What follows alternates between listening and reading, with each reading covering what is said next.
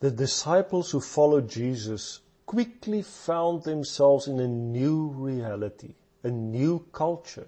They were led into the kingdom of God, also known as the kingdom of heaven. The essential characteristic of this is the vehicle of relationships, which is used to transfer Jesus' love from one heart to another. That is what life is about. Love for one another through relationships. But there is another reality that I want to point out. Maybe not another reality because it is part of the reality of the kingdom of God. But it stands out to me that the disciples who followed Jesus experienced this kingdom reality almost every day. When we are in Jesus' presence and acknowledge Him as Lord, following Him wholeheartedly, we will experience His restoration and healing. We read about this in Matthew 4 verse 23. Jesus went throughout Galilee, teaching in their synagogues, preaching the good news of the kingdom and healing every disease and sickness among the people. Wow. Do you hear that? That is what a disciple experiences when following Jesus. It becomes part of your new life. This is part of the kingdom. The fact that you are taught that you perceive the new normal of the kingdom when there is restoration and healing. That when something is broken, it is healed. Where compassion is shown to those who are hurt. We read about that in Matthew 9 verse 35. Jesus went through all the towns and villages teaching in the synagogues, preaching the good news of the kingdom and healing every disease and sickness. When he saw the crowds, he had compassion on them because they were harassed and helpless like sheep without a shepherd. Then he said to his disciples, the harvest is plentiful, but the workers are few. Ask the Lord of the harvest, therefore, to send out workers into his harvest field.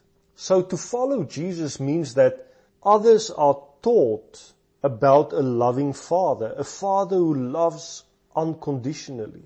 If we follow Jesus, it becomes part of our lives and we share that with other people.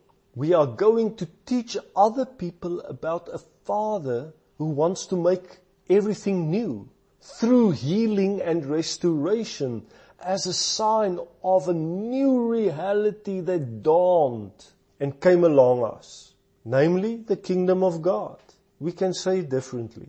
That through deeds which lead to reconciliation, healing, restoration and deliverance, the world is transformed and Jesus was the example while on earth. He modeled it. Yes, Jesus demonstrated a lifestyle of teaching.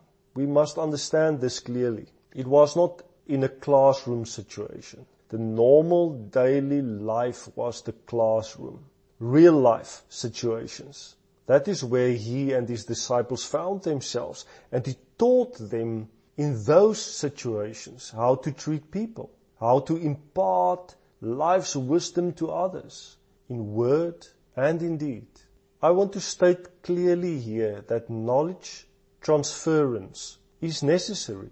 We need to understand God's heart and we come to an understanding of His heart through words that we hear over and over again.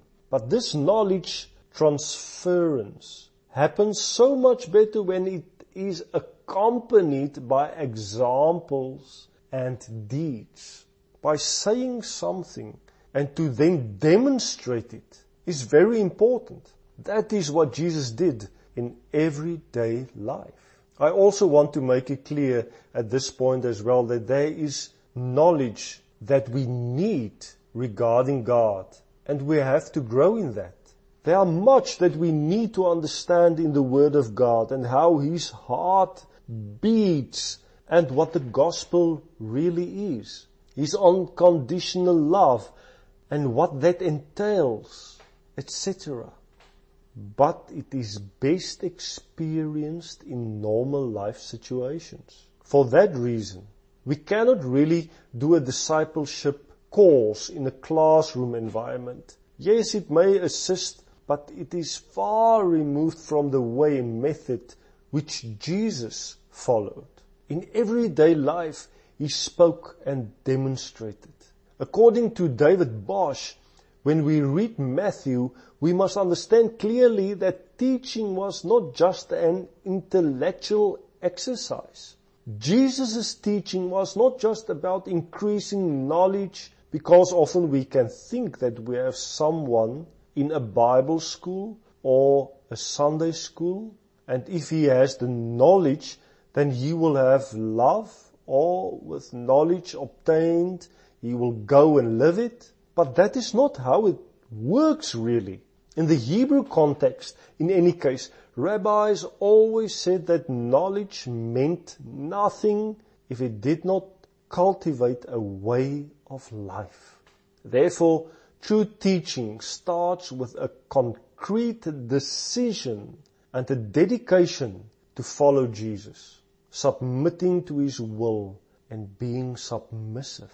This you have to decide for yourself. Do you really submit yourself to what Jesus said and taught? Or are you always trying to rationalize it and explain it from your context and your day? Or do you take the Son of God serious when he says how God's kingdom functions? So, if you commit yourself to Jesus and you decide to be submitted to his will, then you have to live it cultivate it and practice yourself in it because it is not just words that matter. Here the saying walk your talk is relevant.